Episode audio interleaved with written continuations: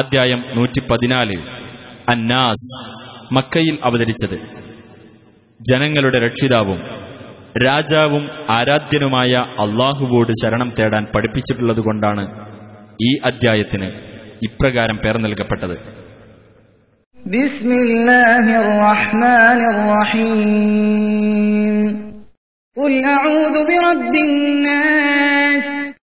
പറയുക മനുഷ്യരുടെ രക്ഷിതാവിനോട്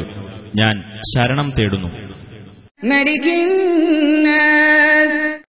മനുഷ്യരുടെ രാജാവിനോട് إله الناس മനുഷ്യരുടെ ദൈവത്തോട് من